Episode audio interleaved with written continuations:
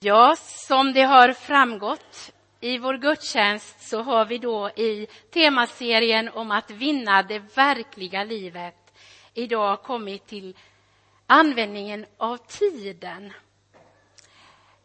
Det var någon som inför millennieskiftet år 2000 utlyste ett ord, efterfrågan på ett ord som skulle prägla vår tid. Och då vann ordet fortare. Och jag tror att de flesta av oss känner att vi lever i en kultur som gör det svårt att liksom låta allt ha sin tid. Och det finns så många aspekter på det här ämnet och jag har valt att koncentrera mig på, på två och eh, det första eh, den mesta av tiden idag. Allt har sin tid. Och när Bibeln i eh, första kapitlet i första Mosebok skildrar skapelsen och de villkor Gud ger oss att leva i så är det tydligt där att det finns avgränsningar. Rytm och samspel mellan dag och natt. Det är vart afton och det är vart morgon. Mellan land och vatten mellan manligt och kvinnligt, mellan arbetsdagar och vilodag.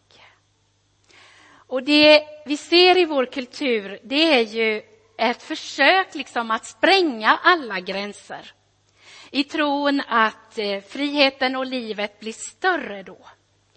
Men resultatet blir väl lite som när man tar en låda vattenfärger, vackra färger var för sig, och så börjar man måla och ta vatten, en massa vatten och så blandar man ihop alla färgerna på samma gång utan att låta det torka och utan att låta liksom, olika färger få ha sin plats. Då blir det ju mest en brungrå röra av alltihopa. Det blir inte vackrare. Och Det var de här första exemplen om hur Gud skiljer ljus från mörker, dag från natt och hur Gud skiljer arbetsdagar från vilodag som jag tänkte stanna inför. Jag vet inte om det är en romantiserad bild, men jag föreställer mig att när man inte hade elektriskt ljus och andra ljuskällor var dyra, så man fick spara på dem, så fick man följa dagsljuset och då satte mörkret en gräns för arbetet. Sa det Bengt-Göran, arbetet söker sig till dagsljuset. Men vi har ju eh, ordnat det så fiffigt att vi har ljus hela tiden. Så vi behöver inte ha de gränserna i vår tid. När eh, andra i samhället slutade arbetet när kyrkklockorna ringde till helgsmål på lördag klockan 18 så behövde man inte göra så mycket eget val för att få en vilodag. Åtminstone gällde väl det de flesta. Några behövde naturligtvis ta hand om djuren och annat som inte kunde vänta. Jag tänker att det kan vara viktigt för oss att inse att vi har inte många sådana yttre ramar som hjälper oss till en tydlig rytm i våra liv. Vi har röda dagar kvar i almanackan. Men frågan är om det är någon större skillnad på de dagarna och andra dagar för de flesta i vårt samhälle. Och då kan vi behöva fundera över vad gör det här med oss? Och vad ska vi göra åt detta?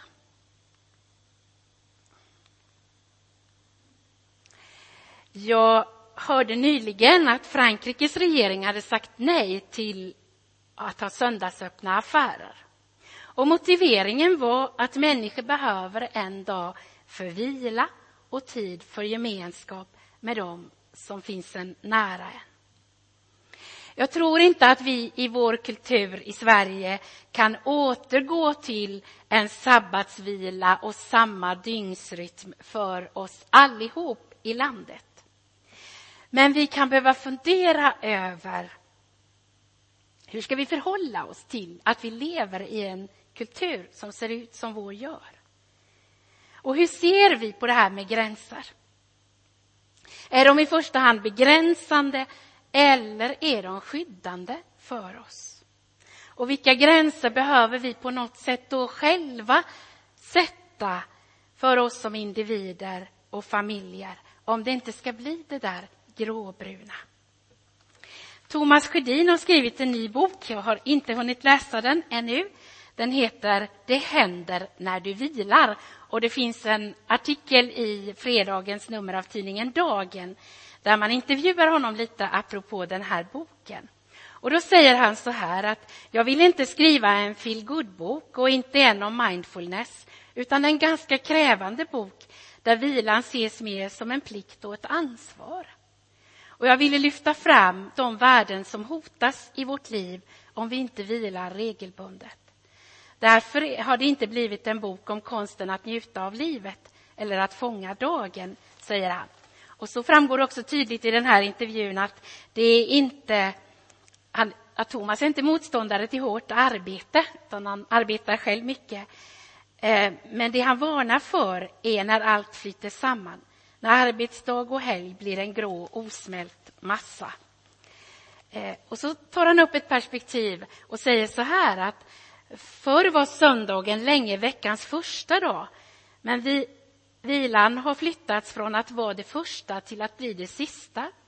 Det kan ju ses som en lek med ord, men spelar det egentligen någon roll var man lägger vilan? Jag tror det. Idag lever vi efter maximen att vi måste göra allt det viktiga först. Och när vi fått det färdigt, om det då är någon tid över, kan vi hinna dra en djup suck och återhämta oss.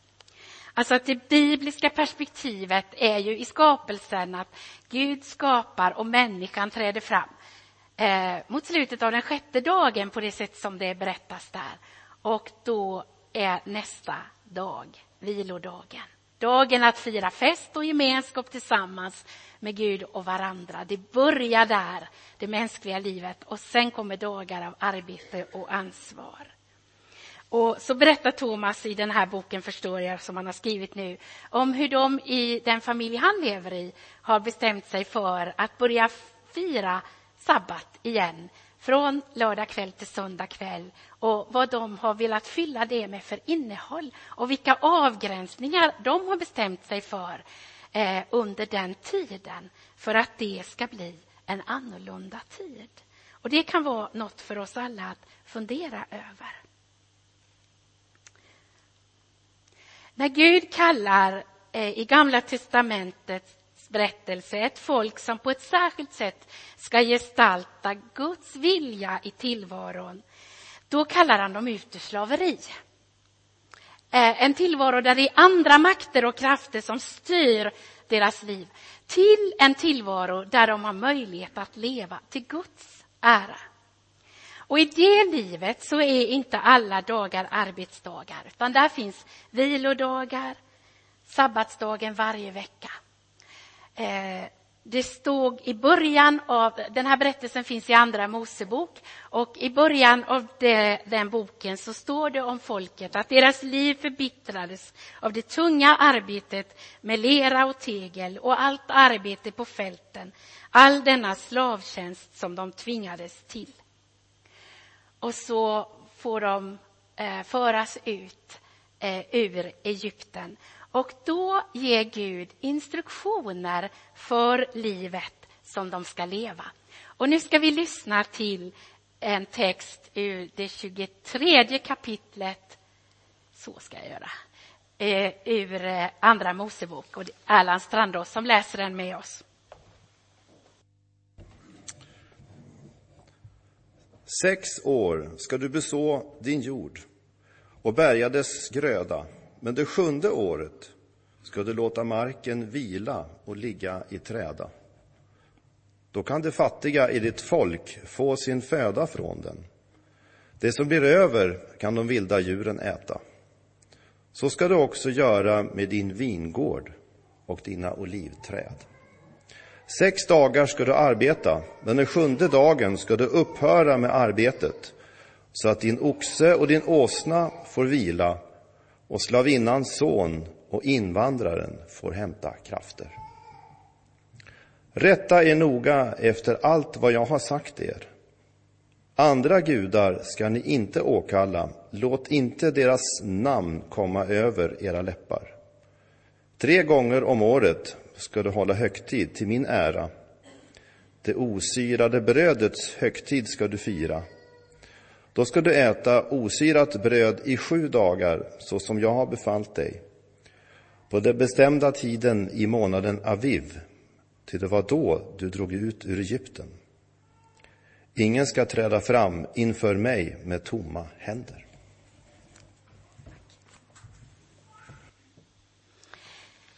Ja, det vi tror på är rotat i tiden och i historien. Och eh,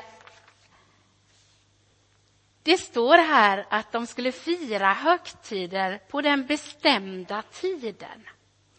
Dagar som har en särskild betydelse. Dagar att minnas vem Gud är, vad Gud har gjort och med det också vilka vi själva är och är kallade att vara. Vi hörde i den här texten hur eh, vi kallas att eh, låta andra människor, men även djuren och marken på något sätt vara med och känna av friheten, vilan, Guds omsorg som är början på en ny skapelse. Det är de stora perspektiven det handlar om när vi eh, stannar inför detta, hur vi ska vinna det verkliga livet. Det här att fira högtider, det är också någonting för oss att fundera över. Fira vill vi ju gärna göra i vår kultur, hitta så många anledningar som möjligt. Ehm, men många gånger så kanske det ändå inte ger riktigt den där mättnaden som det var tänkt. Och för oss som lever med det Jesus har gjort, det vi läser om i Nya testamentet, vi har högtider att få fira som jul och påsk och pingst. Så inte minst barnen, men även vi vuxna får liksom ta in i oss, hela oss, det bibliska innehållet. Och hur gör vi det? Vi slarvar väl inte bort det? Det tycker jag också är en viktig fråga in i våra liv idag. Ehm, och så är det ju söndagen. Hur ska vi använda den? Och vad betyder det att ha en rytm där vi möts tillsammans för att fira gudstjänst? Vad händer med oss och med den kristna kyrkan och med vittnesbördet i vårt samhälle om vi inte gör det?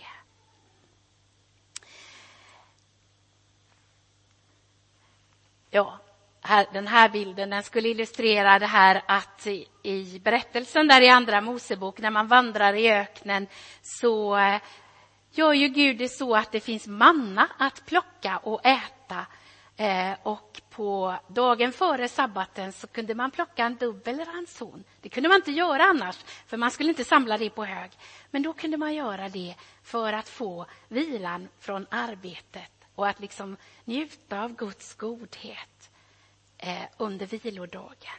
Det finns nog hemligheter här som många av oss inte riktigt har upptäckt i hur vi lever livet. Linnea, ungdomsledaren i vår församling, hon deltar i en ledarkurs och för några veckor sedan så kom hon hem och så sa hon att det hade handlat om tid. Och då hade hon blivit påmind om hur många människor med stora förväntningar som hela tiden rör sig omkring Jesus. Jag hittade ingen bra bild. Jag tror inte att det var så där att de stod på en välorganiserat led. Utan om man läser till exempel Markus evangeliet så ser man redan i första kapitlet hur Jesus undervisar på sabbaten i synagogan, hur han botar och befriar människor, hur han kommer hem till Petrus och Petrus svärmor blir frisk. Och så sprider sig ryktet och när sabbaten är slut och folk kan röra sig så kommer mängder av människor och samlas utanför huset där Jesus är. Han botar, han betjänar människor och så står det att tidigt nästa morgon så söker han sig till en enskild plats för att be till Gud. Det dröjer inte så länge så kommer hans lärjungar och säger det är massor av människor som söker dig, du måste komma. Och då säger Jesus, vi ska gå till de andra byarna här borta nu, för det är också för dem som jag är sänd. Och jag tänker att det finns någonting i att se på Jesus som förebild. Det var inte ett bekvämt liv han valde. Och vill vi följa honom så är det inte det det handlar om. Men det handlar om att också skapa det här utrymmet där man har möjlighet att lyssna till Gud. Och det här är en utmaning verkligen i mitt eget liv. Um, och att se vad är det som är viktigast nu? Och vilken väg gäller för nästa steg? Um, Det finns många uttryck i Nya testamentet som är ungefär på det här sättet. Ta väl vara på tiden.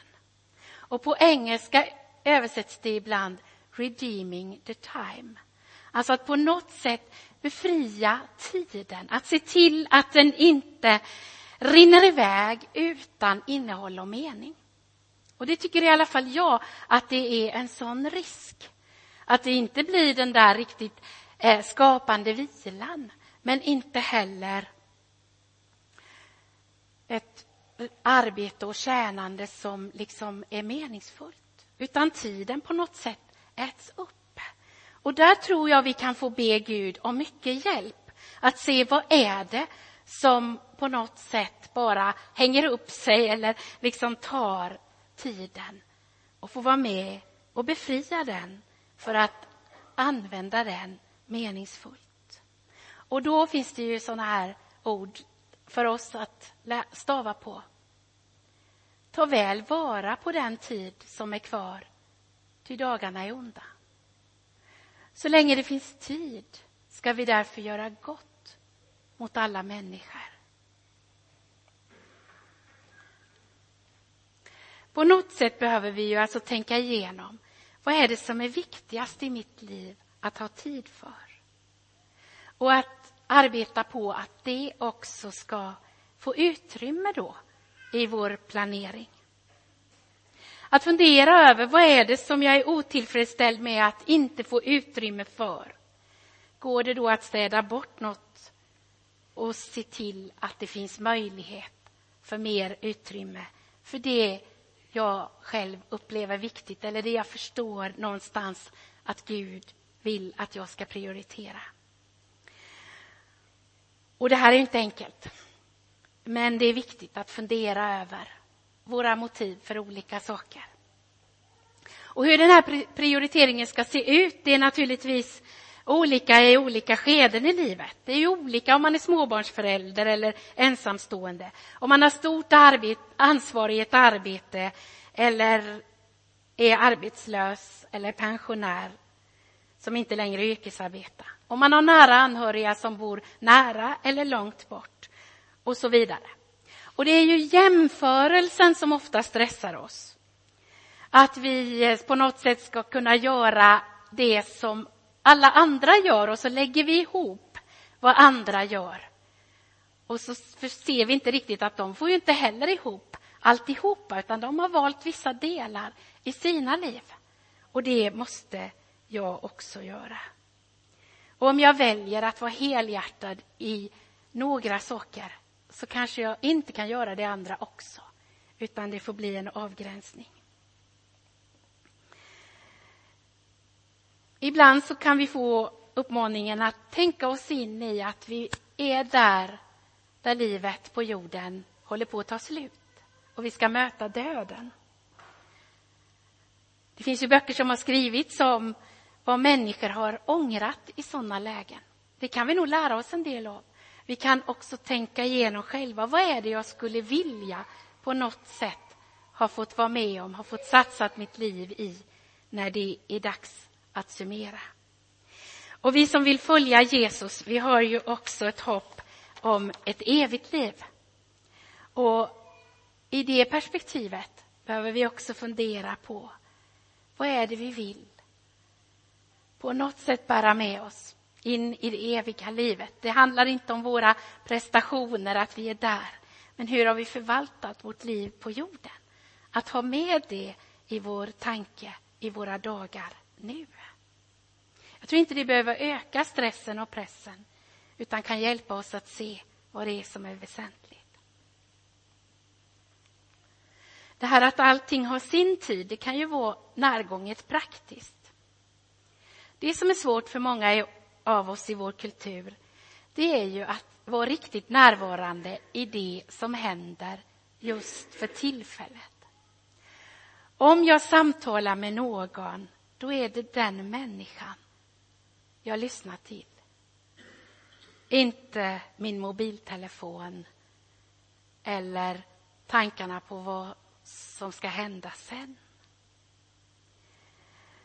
Det är ju knappast något som så effektivt skadar relationer som känslan av att vi hade något viktigt att dela men den andra eller de andra var liksom inte där och lyssnade och ville förstå. För de var upptagna av något annat. Det är också tydligt i en gudstjänst eller en bönesamling att det blir något annat om vi alla liksom är överlåtna till mötet med Gud och möten med varandra. Eller om vi bara fysiskt är närvarande och annars är någon annanstans med våra tankar och känslor. Vi kan samtala med varandra hur vi, och fundera över hur kan vi öva det här. Att vara närvarande i det som är nu. Våga släppa taget om det som är bakom. Tro att vi får hjälp när vi tar nästa steg och går in i nästa situation. Saker måste naturligtvis planeras och då kan det behövas tid att vara närvarande i just det. Men det här är, och vi behöver förflyttningstid. Men det är viktigt att öva oss i att vara där. För livet går i livesändning. Vi kan inte göra repriser. Utan det är nu vi får ta vara på det. Och så någonting till slut om det andra perspektivet. Och det hänger ju ihop alltihop. Det är att Bibeln använder uttrycket när tiden var inne. När tiden är inne. Jesus kommer inte hit till jorden och blir människa när som helst, utan när tiden är inne. Och det är Gud som vet den rätta tiden. Det står i Galaterbrevet, när tiden var inne sände Gud sin son, född av en kvinna och född att stå under lagen. Han var människa och levde enligt den tanke som Gud har för livet här. Och Paulus, han skriver i Efesiebrevet om det beslut som Gud hade fattat från början och som skulle genomföras när tiden var inne.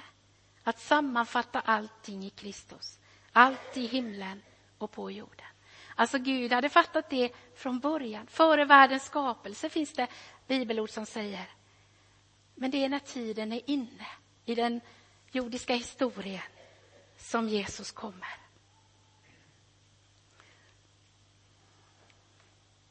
När vi läser om Jesus så har jag fastnat för en vers i det sjunde kapitlet i Johannes evangeliet där Jesus säger Min tid är ännu inte inne, men för er är det alltid rätt tid.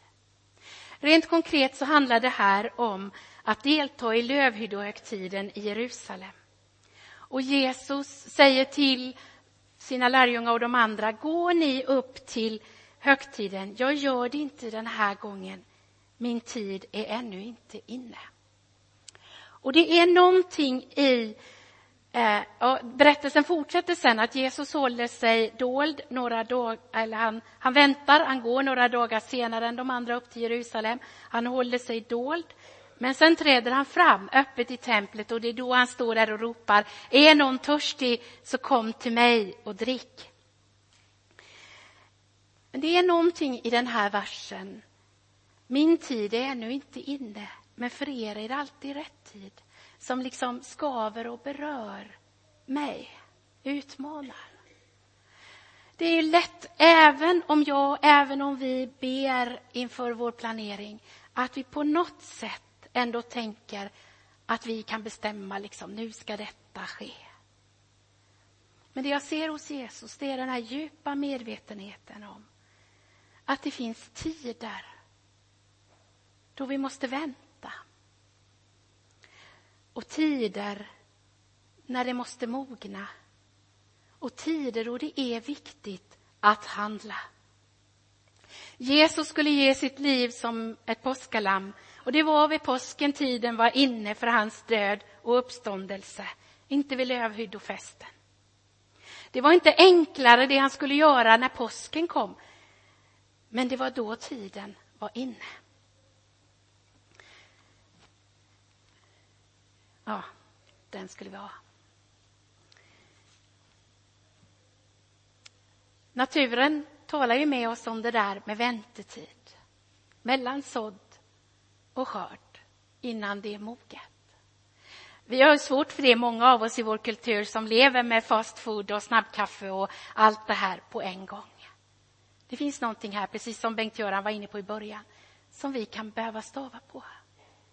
Sökningstid är ett ord som man ibland använt i kyrkan för att det finns tider i våra liv när Gud på ett särskilt sätt knackar på. Man kan bli frälst, man kan komma till tro på Jesus när som helst. Det är inte så att man behöver vänta.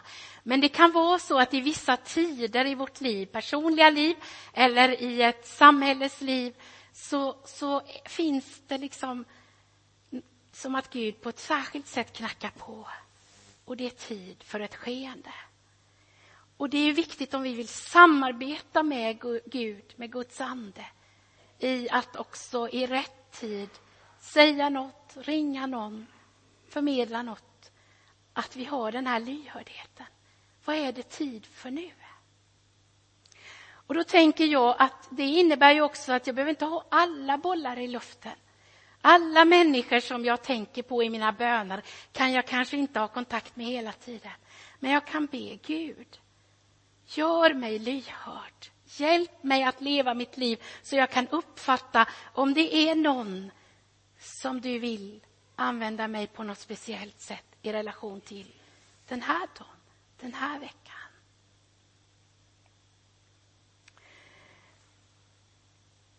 Det allra sista citatet, just för en tid som denna, är hämtat från Esters bok i Gamla testamentet. Ester får en kallelse som innebär att rädda ett helt folk. Hon bävar och förstår att det är stora risker förenat med det. Men då kommer någon och säger till henne, det kanske är just för en tid som denna som du har fått din position, din kungavärdighet. Nu måste du ta vara på möjligheten som har getts dig. Ungefär så, fritt översatt. Och om man ser på många av Bibelns personer så är det ju långa tider av väntan och förberedelse. Men det är viktigt att vi får vara där när tiden är inne. Att ta vara på det som Gud har format oss till när det är speciella uppdrag han vill använda oss i. Det behöver ju inte vara så stort så det handlar om att rädda ett helt folk. Men det är viktigt att Gud har tänkt något speciellt med oss var och en personligt och oss tillsammans. Och nu är det vår stund på jorden, vår tid att söka. Gud, vad vill du med mitt liv? I det skede jag är just nu. Amen. Låt oss be.